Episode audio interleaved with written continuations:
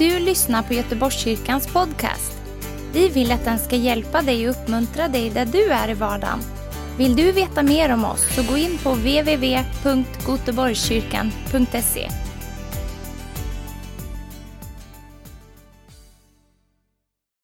Vilket härligt mottagande, underbart att vara, vara här. Eh, jag har varit i café, och varit hemma i era hem, men det är första gången här, eh, liksom i, det, i det allra heligaste. Eh, många av er känner vi inte, men vi har sökt Gud. Och temat idag det är ett starkare tillsammans. Kan du säga det till din granne? Ett starkare tillsammans. Vi ska göra det här tillsammans och Monica ska, ska få börja.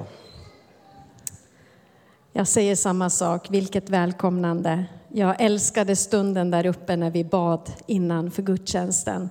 Sån värme ifrån er allesammans. Jag sökte Gud och lät Guds ande tala till mig.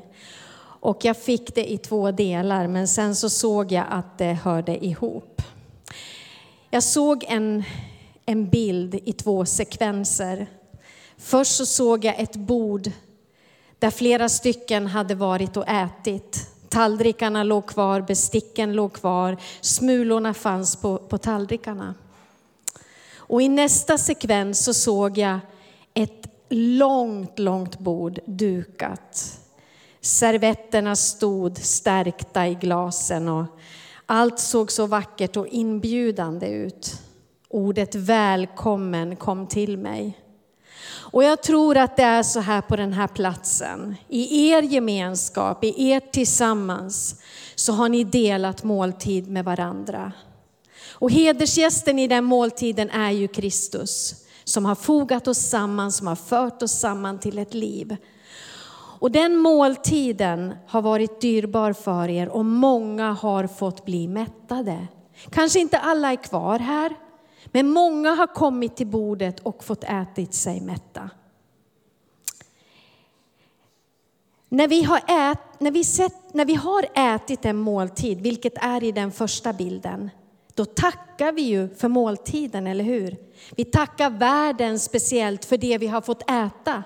Det var gott och det gjorde oss gott invärtes. Och det, det blev en, en ljuvlig gemenskap på grund av världens ansträngning för oss när vi får gå till det bordet.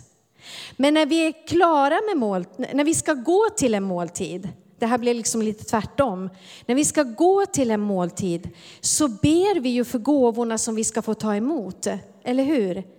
Så det blir som en omvänd ordning. Och då kommer jag till det bibelsammanhang som jag, jag fick eh, för idag. Det är i Filipperbrevet kapitel 1 och jag läser från vers 3. Det är Paulus som säger det här. Vi vet Paulus hjärta för församlingen, för de troende. Han säger så här, jag tackar min Gud var gång jag tänker på er. I alla mina böner för er, alla ber jag alltid med glädje. Jag tycker den där meningen är fantastisk. I alla mina böner ber böner för er alla ber jag alltid med glädje. Det är verkligen ett inkluderande. Eftersom ni har varit med, med, i arbetet för evangeliet från första dagen ända till nu. Och jag är övertygad om att han som har börjat ett gott verk i er också ska fullborda det till Kristi Jesu dag. Det är inte mer än rätt att jag tänker så om er alla, för jag har er i mitt hjärta. Både när jag bär bojor och när jag försvarar och befäster evangeliet delar ni alla nåden med mig. Gud är mitt vittne att jag längtar efter er alla med Kristi Jesu ömhet. Och min bön, nu har vi, han har tackat först nu, hörde ni det?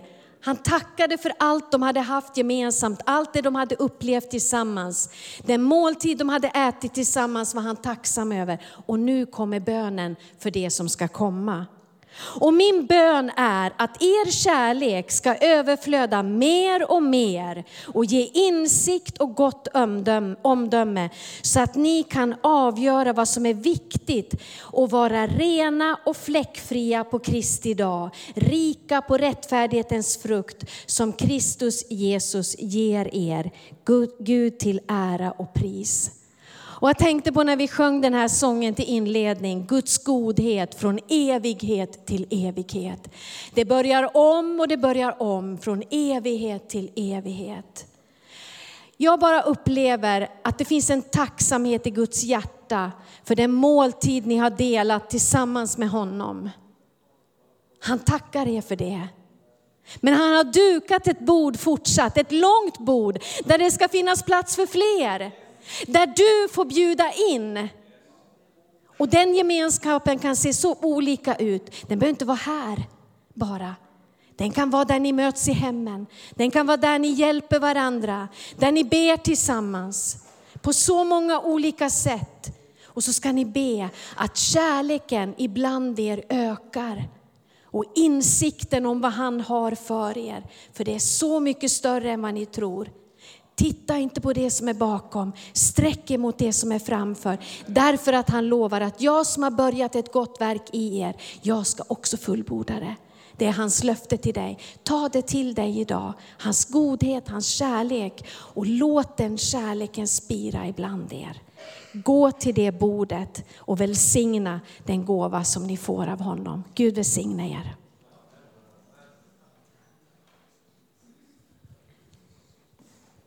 Vi är tillsammans men hon får lov att gå ner och sätta sig. Jag ska börja och, eh, och, och, läsa. Ni såg det här som Monica delade, så var det, det var mycket tillsammans. Och brevet var till er, det var ni, det, var, det, det finns ett stort oss. Och det är någonting i Bibeln där Gud, han, han talar till familj, han talar till sammanhang, han talar till eh, team, han talar till grupper grupper. Och I Sverige så är vi ganska annorlunda. Vi har en, en, en kultur som är väldigt mycket mig, jag, mitt. Och jag tror att Gud vill knäcka någonting idag för oss alla som lyssnar. Oavsett om vi lyssnar på TV eller om vi är här, så finns det någonting i våra hjärtan och det finns någonting i våra sammanhang och det finns någonting i vårt land som han vill knäcka. Och idag tror jag bara att vi är en del av det. Vi vet att det firas gudstjänst på många platser. Och jag vill börja och ta er till Efesebrevet och kapitel 2. Ibland så går vi, vi går till våra församlingar, vi kommer samman och det är så lätt att vi blir hemmablinda. Och det är så lätt att vi blir eh, eh, fokuserade på vad jag vill ha. Hela Sverige omges av kons konsumtion. Och jag brukar säga det till Monica när vi åker hem från kyrkor. På lördagarna så åker man förbi något sånt här shoppingcenter. Så säger Monica, ja, här är också ett tempel, säger hon. För människor är så inriktade på att, att konsumera. Och det är så lätt att det smyger sig in i, i kyrkan, det är så lätt att det smyger sig in i våra liv, i våra gemenskaper så vi blir mer åskådare än att vi vill vara på planen och, och spela. Och mig hjälper det här sammanhanget i andra, eller Efesierbrevets andra kapitel och, och vers 11 till 12 där. Det står den, skil, den rivna skiljemuren, står det som överskrift i min bibel. Det är så lätt att det kommer upp saker som vill hindra oss, saker som vill skilja oss ifrån varandra, saker som vill hålla oss ifrån det som Gud vill att vi faktiskt ska göra. Men då säger han så här, kom därför ihåg, är det nyttigt att tänka, kom därför ihåg hur det var tidigare ni var födda som hedningar och kallades oomskurna av de som kallar sig omskurna. Med den omskärelse som görs på kroppen av människohamn. På den tiden, alltså innan, innan vi mötte Kristus. På den tiden var ni utan Kristus, utestängda från medborgarskapet i Israel och utan del i förbunden med deras luften. Ni var utan hopp och utan Gud i världen. När jag, när jag påminner mig, då blir jag så tacksam för, jag blir så tacksam till Gud. Och jag säger, mm, jag är så glad att jag har dig jag blir så tacksam till Jesus. Och så blir jag så tacksam över dig.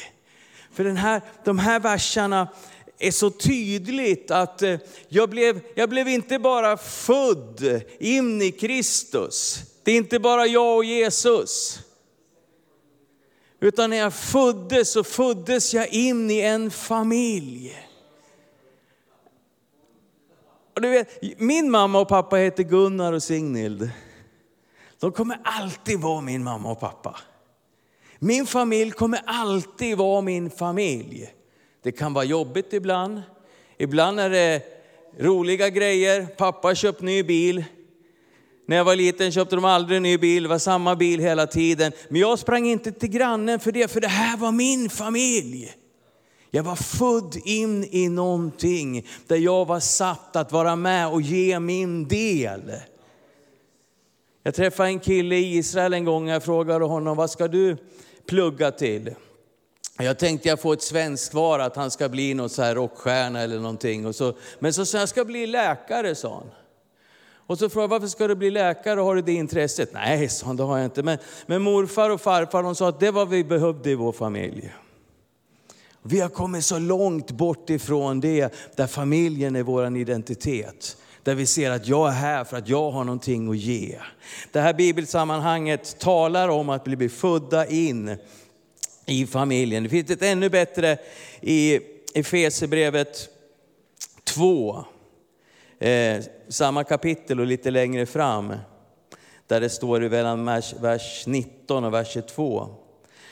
Däremellan har vi Jesu försoningsverk och vad han har gjort på, på Golgata kors. Och så står det så här, nu, alltså inte vi blir påminda om hur det var tidigare, utan hopp, utan Gud i världen. Men nu, därför är ni inte längre gäster och främlingar, utan medborgare med de heliga och medlemmar i Guds familj. Ni är uppbyggda på apostlarnas och profeternas grund, där hörnstenen är Kristus, Jesus själv. I honom fogas hela byggnaden samman och växer upp oh, till ett heligt tempel i Herren. I honom blir också ni sammanbyggda till en boning åt Gud i anden. Vi skulle kunna hålla på hur länge som helst med den där versen. Visst är den, mm, visst är den smaskig? Det är sån där man ska ha på morgonen när man vaknar och bara memorera. Wow! Men den säger tre saker. Det säger att det finns jag som individ. Ja, klart att jag finns. Men jag är född in i någonting. Jag tillhör Guds familj. Men det slutar inte där. Det slutar inte med att vi tycker det är gosigt att vara tillsammans och att det är härligt att ha tv-kvällar och fika och ungdomssamlingar och liksom alla de här grejerna. Utan det står också att vi tillsammans är medborgare i någonting som är större. I Guds rike har du och jag ett medborgarskap där vi har rättigheter. Och i det riket, där rör vi oss och är till. Men vi vet att det finns ett annat rike också. Ett mörkrets rike där flugornas herre är förste. Jag vill inte ha han som min kung. Utan jag vill ha Jesus, ljusets Herre. I ljusets rike vill jag ha som min kung. Och vi vet att det är en strid däremellan. Det är därför vi måste veta våra rättigheter. Vi måste veta med vilka vi spelar. Vi måste veta att vi, till, vi är inte själva, utan vi finns i en familj. Och i den familjen så relaterar vi till andra familjer och tillsammans så utbreder vi Guds rike i Sverige idag. Jesus han har besegrat djävulen. Ja, men det är väl värt ett halleluja. Din kung, han är en mästare, han är en segrare, han är en frälsare och han är så, så mycket. Och han har utvalt dig och mig och han har låtit oss förstå. Tack Jesus. Och det finns när vi föds in så får vi ju vi får färdkost, vi får vår bibel och där, där finns det instruktioner, det finns tillvägagångssätt, det finns eh, hur vi ska förhålla oss, hur vi ska leva, hur vi ska vara. Eh, och jag vill liksom trycka på det här idag, ett starkare tillsammans. Eh, det, det går inte av sig själv. Eh, hur många är det som är gifta här? Ja. Visst är det bättre idag än vad det var för 35 år sedan när jag gifte mig? En del kanske har varit gifta i tre år, ni har liksom knappt kommit in i härligheten ens, ni har liksom bara börjat. Det behövs ju någonting. Jag var som en sån här kantig sten. Jag gillade Monikas eh, läderstövlar och så, och så liksom flörtade jag med henne och jag hade precis gått ut bibelskolan. Sen när vi var ihop i tre månader, jag sa till Gud, jag har inte bett om en flickvän, jag har bett om en fru. Det är inget jag rekommenderar till, till er ungdomar. Men när vi gifte oss så kände jag mig ganska kantig. Jag var som en, en, en, en, liksom en kantig sten som behövde formas. Likadant är det när vi, när vi blir frälsta, när vi kommer in i Guds familj. Så säger Bibeln, när Bibeln använder olika uttryck för att vi ska förstå eh, hur vi ska förhålla oss. Han säger att vi är kroppen, Kroppen behöver varandra, vi sitter ihop, vi måste liksom eh, lira tillsammans. Om min kropp inte lirar här idag blir det jobbigt. Vi är en fårflock för att vi behöver vara tillsammans, tätt tillsammans.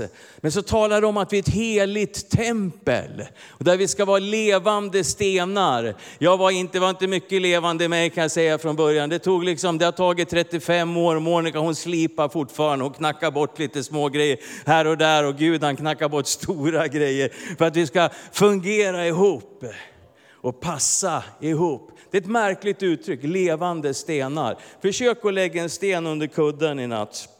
Och ska du se hur levande vanliga stenar är. Det ger en insikt om att vi behöver Gud.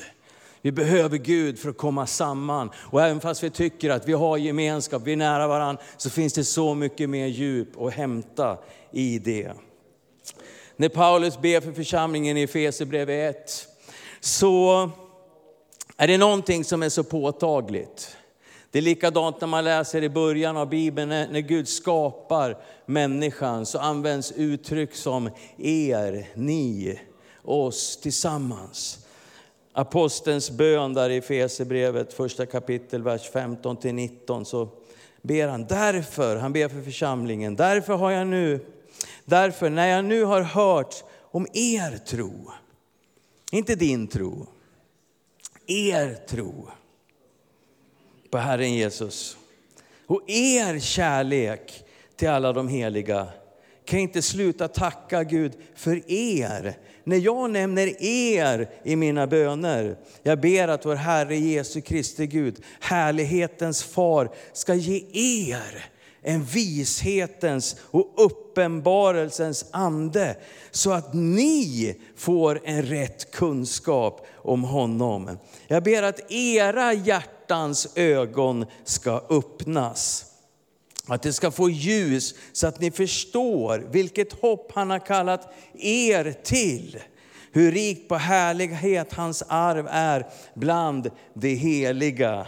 Och hur oerhört stor hans makt är i oss som tror, därför att hans väldiga kraft har varit verksam.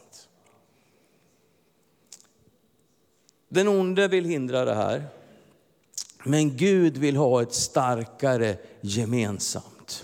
Det finns inget slagkraftigare än när vi blir mer tillsammans, när vi delar mer av livet. Jag har sett många som kommer från andra länder till Sverige, till kyrkorna som jag besöker. Kommer man från en katolsk kyrka så finns det en vana att man ska gå till kyrkan på söndagen. Ska man vara där ungefär en timme om man kommer från Polen, då är det liksom en timme, då är man liksom klar för, för evigheten sen. Och visst är det härligt att komma tillsammans en timme på söndagen. Men det finns så mycket mer. Och Gud har tänkt något som är så, så, så mycket mer. Och han kommer inte att göra det, han kan inte göra det genom mig.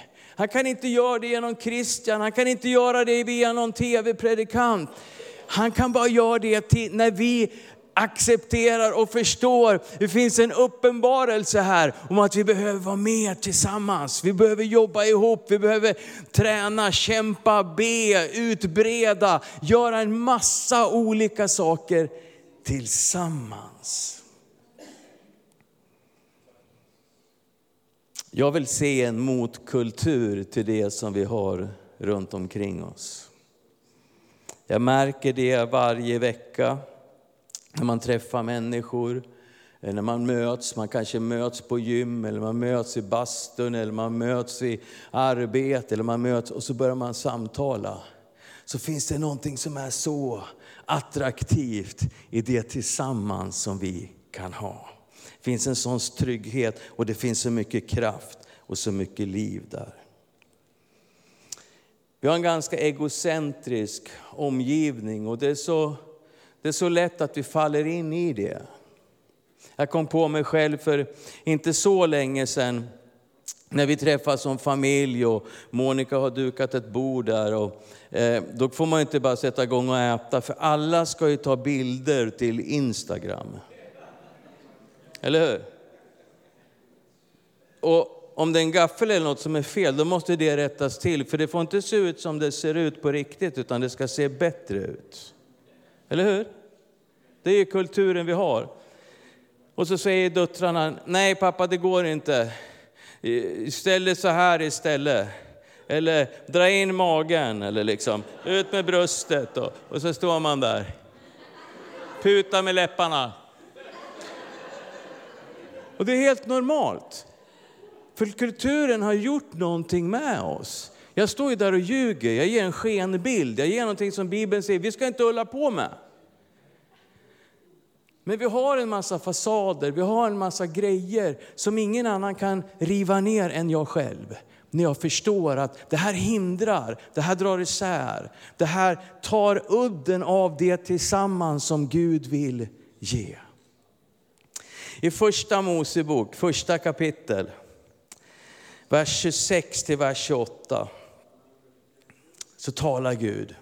Och det är liksom läge att, eh, att göra människor. Och då säger han så här. De säger så här. Gud säger så här. Låt oss göra människor till vår. Gud säger inte, låt mig göra människor till min avgud. Han säger inte det. Han säger, låt oss göra människor till vår avgud. Avbild, avbild. Gud är Gud, han kan aldrig bli en av, avgud. Avbild. Lika oss. De ska råda över havets fiskar, himmelens fåglar, över boskapsdjuren och över hela jorden. Och Gud skapar människan till sin avbild. Till Guds avbild skapar han henne. Till man och kvinna skapar han dem. Och Gud välsignade dem och sa till dem, var fruktsamma och föröka er, uppfyll jorden och lägg den under er.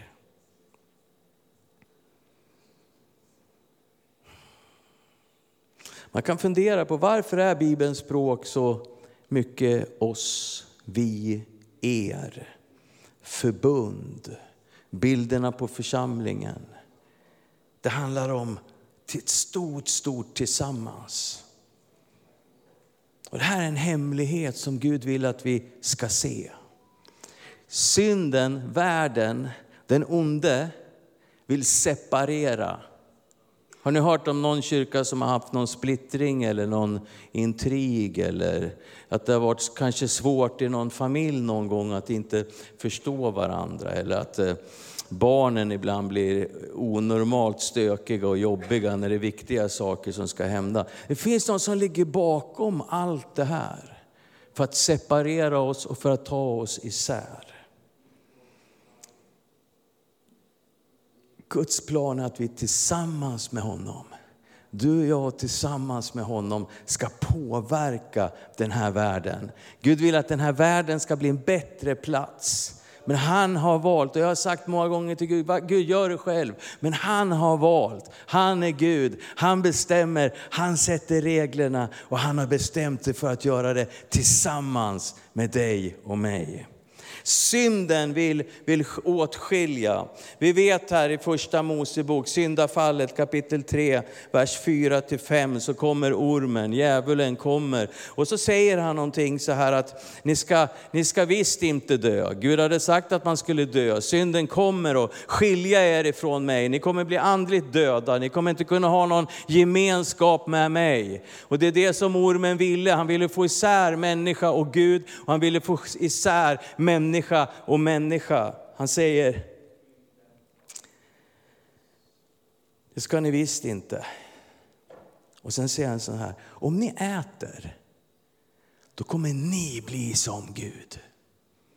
Det här är grunden till all synd, allt elände, allt vi ser runt omkring oss. När du och jag tänker, jag vill bestämma själv. Jag vill gå min väg, jag vill bygga mitt liv. Jag vill välja min framtid. Jag vill ha det som jag bestämmer.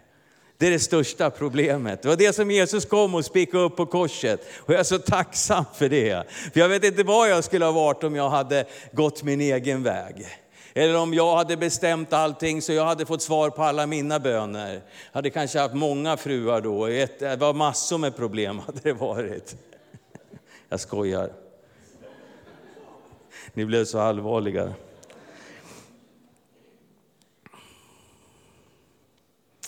I första Mosebok kapitel 3, vers 15-18 så står det syndafallet eller syndens följder. Alltså de konsekvenser som kom. Det är konsekvenser för ormen, det är konsekvenser för mannen, det är konsekvenser för kvinnan. Ormens konsekvenser, de, de gillar jag. Där någonstans 15, att han ska sätta fiendeskap mellan ormen och kvinnan, mellan hennes avkomma och hans avkomma. Och sen att kvinnans avkomma ska sönderkrossa ormens huvud. Det gillar jag. Det är därför jag, man känner sig, när jag, när, jag, när jag predikar det här idag, det vill han inte. Alltså det gör ont, han har ont i huvudet, han har krossat huvudet, det gör jätteont. När jag säger tillsammans, aj, aj, aj, säger han. Han vill inte, han vill inte att vi ska förstå, för det ligger sån hemlighet i det. Det ligger sån uppenbarelse i det.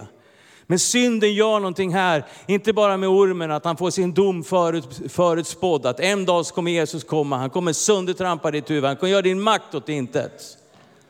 Men han talar också till mannen och kvinnan som hade fått det här mandatet. Så säger han till kvinnan, och det här är viktigt att förstå. Han talar om att det ska bli jobbigt när hon ska föda barn. Jag lite, gillar lite det här att till din man ska din åtrå vara. Den, den liksom delen i den här meningen tycker jag är rätt okej. Okay. Men sen står det så här, och mannen, han ska råda över dig. Jag vet inte om du har förstått det. Men här kommer, här kommer ett nytt tänkande in. Hierarki, över, under. Jag vill vara bättre, jämförande. Vem är störst? Vem sjunger bäst? Vem spelar bäst? Vem är... Hela det här kommer in här som en följd av synden. Och vad djävulen var ute efter det var att separera mannen och kvinnan. För ensamma så kan inte du och jag återspegla Guds härlighet. Vi kan aldrig återspegla Guds fullhet, inte ens som, som man och kvinna. Vi vet det när vi jobbar tillsammans. Vi har många olika gåvor och många olika personligheter. Och alla behövs i Guds pussel för att det ska bli synligt, för att det ska bli som Gud vill. Det går inte att ha en typ av spelare i ett fotbollslag. Vi måste ha många för att laget ska fungera. Det är likadant i Guds familj. Det är likadant var du än befinner dig, vilken församling du än är, så kan vi förstå det här och komma närmare, börja spela mer ihop. Det är där kraften finns, det är där fullheten av Gud tar sig uttryck, det är där Gud blir synlig som han verkligen är. I sin församling, i sin familj.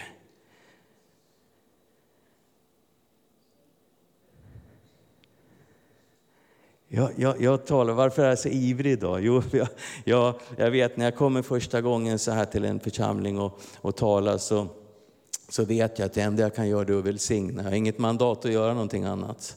Men pastorerna bad här när vi bad där uppe, då bad de om byggstenar. Låt Mats få ge byggstenar. Jag tror att det, det, är någonting idag, en uppenbarelse som kan förändra. Förändra den här församlingen, förändra din familj, men också förändra hela den här staden. Det finns någonting som ni tillsammans kan bryta genom de beslut som ni tar att stå tillsammans, att överlåta sig själva, att ge sig till familjen. Att våga ha så mycket tro på Gud så att jag kan säga, jag ger mig, jag öppnar mig. Vi vet alla att det inte är jättelätt. Man kan inte öppna sig för, för hundra personer samtidigt. Vi vet det, vi som är gifta. Vi får liksom slipa så vi får komma närmare och närmare och närmare. Det är likadant i din hemgrupp, det är likadant med dem du jobbar med, det är likadant med dina vänner som du har. Men låt oss ta ett beslut, låt oss se det. Att vi vill tillsammans förmedla Guds liv, Guds kraft fullt ut. Kan vi säga ett amen? Du vet, uppenbarelse förändrar människors liv. Uppenbarelse, när man ser något, när man får tag på någonting. Och ibland kan det vara svårt för oss människor att få tag på det. Ni vet hur det var i den första kyrkan, men det är gång på gång på gång så kommer Gud och uppenbarar saker för dem. Emusvandrarna gick på vägen, trötta, de hade gett upp, de ville inte vara med längre. Så kommer Jesus, de känner inte ens igen Jesus. Så börjar han prata med dem och så säger de så här, varför är ni ledsna? säger han. Och då säger de så här, Eh, är du den enda här i Jerusalem som inte förstår vad som har hänt? Alltså så där korkade kan vi vara ibland. Att vi inte ser det uppenbara. Det finns där alldeles framför oss. Men när han kommer och tar bort skynket så vi ser. Vi ser ett större tillsammans. Petrus på hustaket när det här skynket kommer ner och så är det olika ljud där. Så var det här, det här var någonting som, som inte alls, det lirar inte med Petrus sätt att tänka och inställning. Så när Gud säger slakta och ät, då ser Petrus, men det är ju det är oheligt, det är orent, det, är ju, det här är ju fel, säger han. Problemet var inte Gud, problemet var inte djävulen. Problemet var här emellan att han förstod inte det Gud ville att han skulle förstå. Men några verser senare så säger Peter, nu förstår jag i sanning att Gud inte har anseende till person. Han fick en uppenbarelse. Gud visade någonting som han inte hade sett för, för, för tidigare. Och det fick en vändning i hans liv, Emusvandringarnas liv, Paulus liv. Det står att fjäll föll från hans ögon och nästa kapitel så predikar han Jesus som kung och frälsare från att han hade liksom varit ute och jagat församlingen tidigare. Paulus ber att vi ska se i Efesierbrevet 3, vers 16 till 19. Jag ber att han, Jesus, i sin härlighetsrikedom ska ge kraft och styrka åt er inre människa genom sin ande. Och att Kristus genom tron ska bo i era hjärtan och att ni ska bli rotade och grundade i kärleken. Då ska ni tillsammans med alla de heliga kunna fatta bredden, längden och höjden och djupet. Är det någon som vill fatta det? Räck händerna högre. Det är bara tillsammans vi kan förstå det. Och så lära känna Kristi kärlek som går långt bortom all kunskap. Så ska ni bli helt uppfyllda av Guds fullhet. Jesus när han kom till jorden, han, han var inte ensam. Han jobbade tillsammans, Paulus jobbade tillsammans, Petrus jobbade tillsammans. Gud fader själv är fader, son, helig ande. Om du är här idag, eller du sitter någonstans ute i Sverige eller kanske i något annat land och lyssnar till det här. Vem är du? Vem är jag? när Gud själv behöver jobba tillsammans. Vem är jag att göra någonting själv? När Jesus skickar sina lärjungar för att hämta åsnan så skickar han dem två och två. Så viktigt är det här för Gud. Nu kommer de som är med oss på TV Vision Sverige eh, och lämna oss. Och vill man fortsätta vara med i gudstjänsten så kan man göra det via, via Facebook. Fortsätta att vara, vara med oss där. Ja, Göteborgskyrkan Facebook, vad sa jag? Mm. Det här var fundamentalt för, för den första församlingen. Det behöver bli lika fundamentalt för oss. Ska vi bara lägga händerna på våra hjärtan.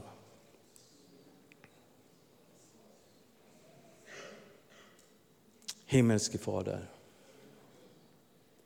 Vi kan titta på vår omvärld. Vi kan titta runt omkring oss och vi kan se berg som reser sig upp. Vi kan se hot och olika saker som vill slakta, förgöra, trycka ner, hindra det liv som du har lagt i våra hjärtan. Men tack vare att du har idag visat en hemlighet. Och jag ber att det bara ska bli en uppenbarelse för oss. Där passionen, precis som för Emmausvandrarna, när de såg och förstod, då säger de, brann inte våra hjärtan. Jag ber Fader att våra hjärtan ska sättas i eld.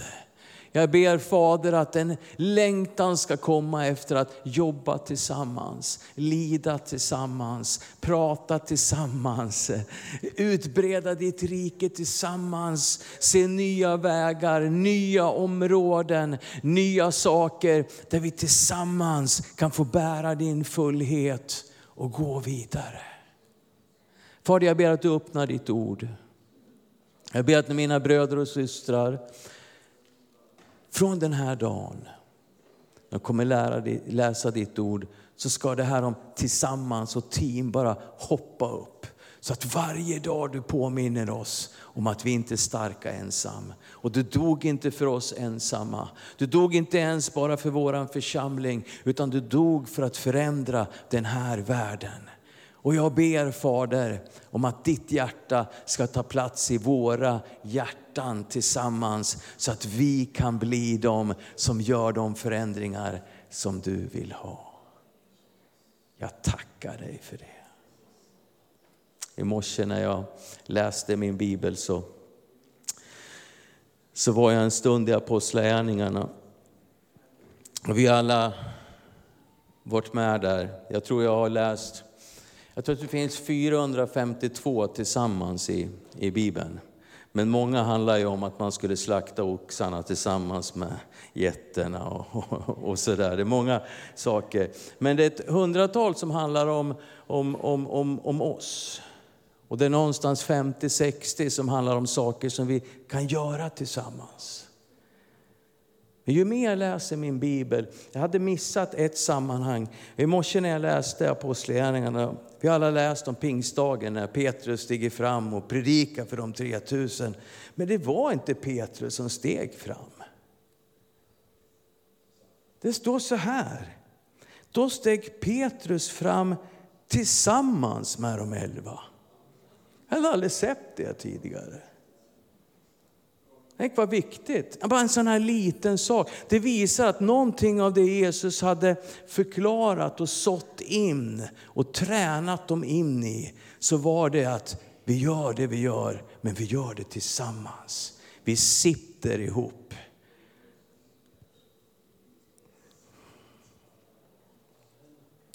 Kan du bara spela lite på, på pianot?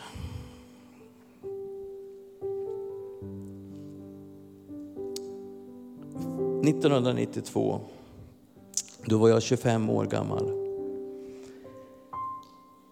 Då kallade Gud mig att starta en församling i Västerås. Jag visste väldigt lite. Jag hade varit frälst några år bara. Jag och Monica vi var nygifta. Vi hade precis fått vårt första, Mikaela. Eh, vi var, Nej, vi var, vi var vi, man kan inte säga oerfarna. Vi, vi, var nästan, vi kunde nästan ingenting. Men Gud kallade oss. Och så några till runt omkring oss. Och jag är glad idag att jag inte var så formad och inte så färdig.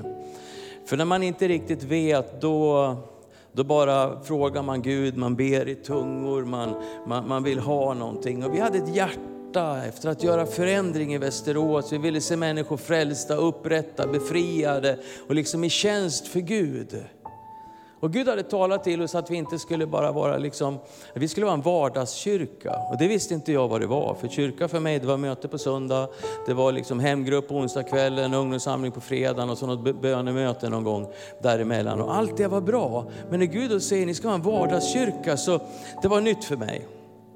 Jag undrar hur ska det se ut? Så vi bad och vi bad och vi bad. Och en dag så, så kom min bror och så sa han, jag har fått ett ord, sa han, tacos. det här är 90-talet, man visste inte vad mexikansk mat var då. Vi trodde såklart det här var ett, eh, ett tungotal, så vi ville ha uttydningen. Tills vi liksom, vi hade hållit på och sökt uttydningen för det här länge, men en, en lunch så satt vi och lunchade med en kille som berättade att han var kock. Och vi kom in på det här och sa, men det där det är ju mexikansk mat, så jag kan lära er att göra tacos unga som vi var så, ja men lär oss att göra tacos. Och fyra veckor senare då öppnade vi Café Smedjan och körde taco nights. Och första kvällen som vi hade liksom öppet, under den fredagen och lördagen så kom det någonstans 300 ungdomar till våran kyrka, för vi gjorde kaféet liksom i kyrkan. Det har varit omöjligt innan att få in dem. Men nu kom de in. Det var ingen av oss som hade drivit restaurang tidigare. Vi, vi var inte kockar, vi var inte någonting. Men vi lärde oss av den här kocken. Jag vet inte hur många, jag tror vi, vi, vi stekte de närmsta åren hundratals ton tacos. Vi hade den här restaurangen uppe i ungefär tio år. Eh, och Gud lärde oss så mycket när vi fick kontakt med vanliga människor. Sen talar Gud till oss att vi ska starta ett dagcenter för missbrukare och kriminella. Och jag tittade på vår lilla församling och jag såg ingen som skulle kunna göra det. Men Gud han sa, de finns där sa han. Och jag tittade igen och jag bad. Och Gud sa, de finns där. Så till slut så sa jag, en samling vi hade, är det några som skulle vilja var med. Vi kommer att ha, ha liksom servering och grejer nere i källan med, med alla Västerås kriminella och uteliggare, alla knarkare och alkoholister och, och så. Är det några som vill vara med? Då räcker min mamma upp handen. Och sen Marianne. Tack Gud för Marianne. Hon är, hon är inte kvar hos oss, men hon var någonstans 67, 68 år, någonting sånt. Och sen en ung tjej som hette Maria. Hon var, jag vet inte ens om hon var 18, men någonstans där. Och jag stod där och tänkte, Gud det är min morsa. Och sen den här gamla tanten och den här unga tjejen. Ska jag sätta dem i källan med Västerås kriminella och missbrukare? Gör det du, sa Gud. Det här blev en av de starkaste sakerna som vi som församling har fått vara med om och gjort. När Gud bara kom med sin och De här tre tanterna de kopplade ihop. De kunde brotta ner missbruk. Jag vet jag kom ner en gång, Marianne hoppade på en kille, han föll på golvet. Mamma satte sig på bröstet och så bad de i tungor så det bara vrålade om det. Och så var han fri och så blev det bra och så skrattade de och grät och drack kaffe och hade det jättebra. Vet efter några veckor så fanns det inte en kriminell i stan som skulle kunna göra någonting emot de här tanterna. För de hade vunnit allas hjärtan. Gud har vägar som vi inte kan komma på. Gud han kan göra med oss det vi aldrig ens kan drömma om ska bli. Jag hade ingen utbildning, ingenting och Gud sa starta en skola.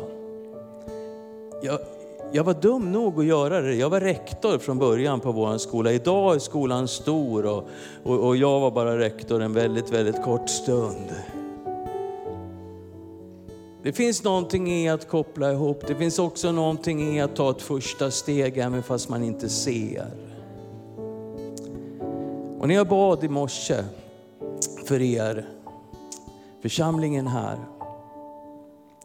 så, så visar Gud mig någonting. Det var inte en dröm. Drömmar är otydligare. Utan det här var en, någonting som jag såg. Och vad jag såg det var ett torg. Och, och min upplevelse att det här torget, det är ni tillsammans. Skulle kunna vara den här platsen där ni möts och kommer samman. Men runt det här torget så fanns det olika, inte dörrar utan portar. Och vi har nyss varit på en konferens där vi har talat om att vi vill gå ut i olika världar. Och till varje värld, musik, media, eh, ekonomi, all, alla, det finns så många olika världar. Så finns det portar. Och vad jag såg, jag såg att det var många portar runt er. Och portarna var öppna. Och de två första portarna var väldigt tydliga. På den första så stod det politik, stod det över. Och det vet jag att ni är redan på väg. Jag vet Pernilla och jag vet inte om det är flera av er som Pernilla tränar eller om ni har grupp som är tillsammans med Pernilla och ber eller någonting. Men det finns en port där. Eh, och Pernilla kan inte ta den porten själv. Utan det behöver bli ett större tillsammans. Men den porten var där och det stod och det var tydligt. Fanns det en annan port där det stod media stod det. Politik har jag själv haft ett hjärta för, men media, jag är liksom kass på, på det. Jag är så glad att jag klarar av tiden här och sluta i tid. Men sen när vi kom hit och hörde vi att du kommer ha en träffa ungdomarna här efteråt. Jag tror att det finns en, en port av media där ni också behöver komma samman. Titta inte då, tänk inte då på, ja men vi, vi är inte så bra eller vi kan inte, utan kliv in. För då kommer Gud att öppna. Det är så viktigt att ta stegen, att, att gå. Om inte vi tar stött, första steget. Jakob säger att tro utan handling är död. Men när vi visar Gud vår tro genom att, okej okay, vi hoppar eller vi tar ett steg. Då öppnas övernaturliga dörrar och Guds smörjelse flödar på. Sen var det portar som, det var inga, det stod inget över dem. Men jag såg olika människor och olika grupper som hade sådana här små pallar ni vet med fyra, fem steg. Såna du har på jobbet som elektriker när du ska upp och fixa.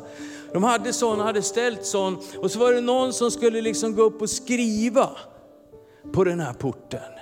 Men det var inte färdigt. Och människor höll i, i den här liksom eh, byggstegen, höll i den och någon var på väg upp och någon stod och höll i benet. För det var lite vingligt när man skulle liksom skriva namnet över den här porten. För mig som såg det här så betydde det att det finns redan grupper. Jag vet ni jobbar med hemgrupper, ni har de som leder hemgrupper. Det finns olika grupper grupper som redan är där ni jobbar med er tillsammans. Jag tror att det är en tid att börja söka Gud tillsammans. Att våga kliva upp och säga, börja tänka, vad, vad, vad ska vår port heta? Du kanske har haft ett hjärta för någonting men du har aldrig kommit ut i det.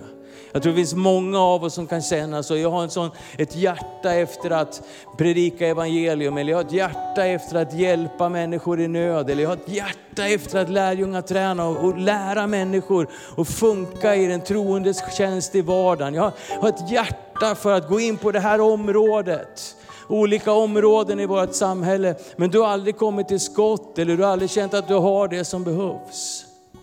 Och Gud vill inte att vi ska vänta. Gud vill att vi ska hitta varandra och så bara ta små steg.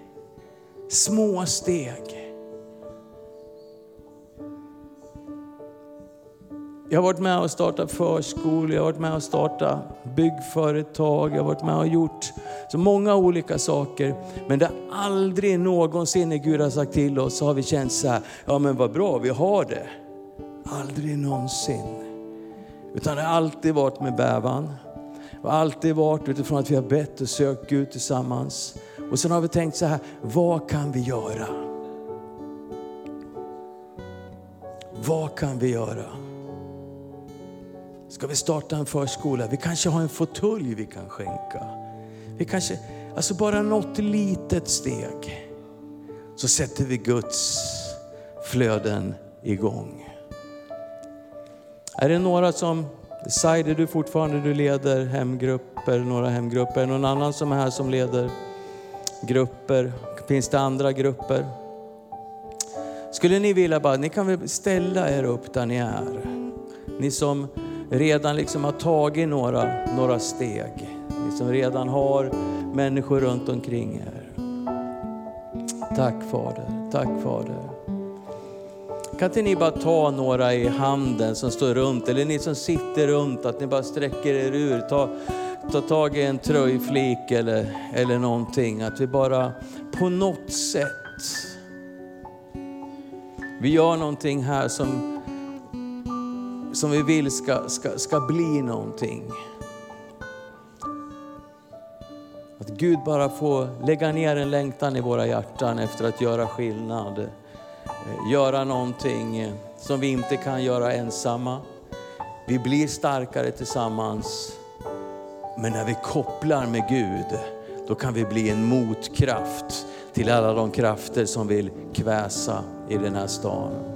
Sträck era händer ut mot dem som står, inte bara för att välsigna dem, utan sträck dem och säg, sträck ditt hjärta dit. När vi lyfter våra händer så ser Gud att vi lyfter våra hjärtan. När vi sträcker våra händer nu så bara, vi ger vårt hjärta till att vi vill stå tillsammans. Vi vill komma närmare varandra. Vi vill ta steg för att Guds vilja ska ske i Göteborg och genom hans kropp på den här platsen.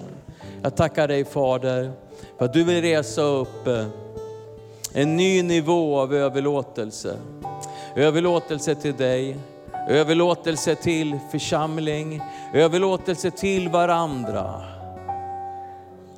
Och jag tackar dig Fader för allt det som är nedlagt i olika människors hjärtan, den längtan som finns där. Tack att när vi kommer samman då dupliceras den längtan, förmågan multipliceras, livet, kraften. Till och med Saul när han kom tillsammans med profeterna, då kunde också han profetera. Vi tackar dig Fader att vi bara får förlösa en multiplikation som tar sig uttryck i, i olika saker, smått och stort Fader. Men tack att du vill att vi alla ska vara med i laget. Du vill att vi alla ska ha en plats att fylla. Och tack att i ditt pussel så finns den platsen. Så jag bara förlöser liv över de grupper som redan finns. Jag ser husgrupper eller hemgrupper eller jag vet inte vad ni kallar dem här, men smågrupper. Där livet kommer in. Där du ibland har tänkt, ska jag åka eller ska jag inte åka? Där det bara kommer in någonting, ett nytt flöde, ett nytt liv. Där ledare, människor med förmåga som inte har ställt sig upp, helt plötsligt ställer sig upp. Där initiativ flödar fram och där det blir rörelse i vattnet, rörelse i kroppen. Jag profeterar att det kommer att gås in i många olika portar, det kommer att skrivas tydliga namn som kommer att vara med och förändra den här staden. Och jag tackar dig Fader för varje individ som är med på det här mötet. Att vi får vara levande stenar i ett andligt husbygge där du kan röra dig och gå in i rum efter rum efter rum och få din vilja att ske. Så vi ber, låt ditt rike komma och låt din vilja ske genom våra liv. Kan vi säga amen till det? Amen. Tack för att du har lyssnat. Dela gärna podden med dina vänner och glöm inte prenumerera. Om du har frågor eller vill att vi ska be för något så mejla oss på info På söndagar har vi veckans höjdpunkt. Då firar vi gudstjänst tillsammans och det vore så kul att träffa dig där. Men vi har även samlingar för barn då?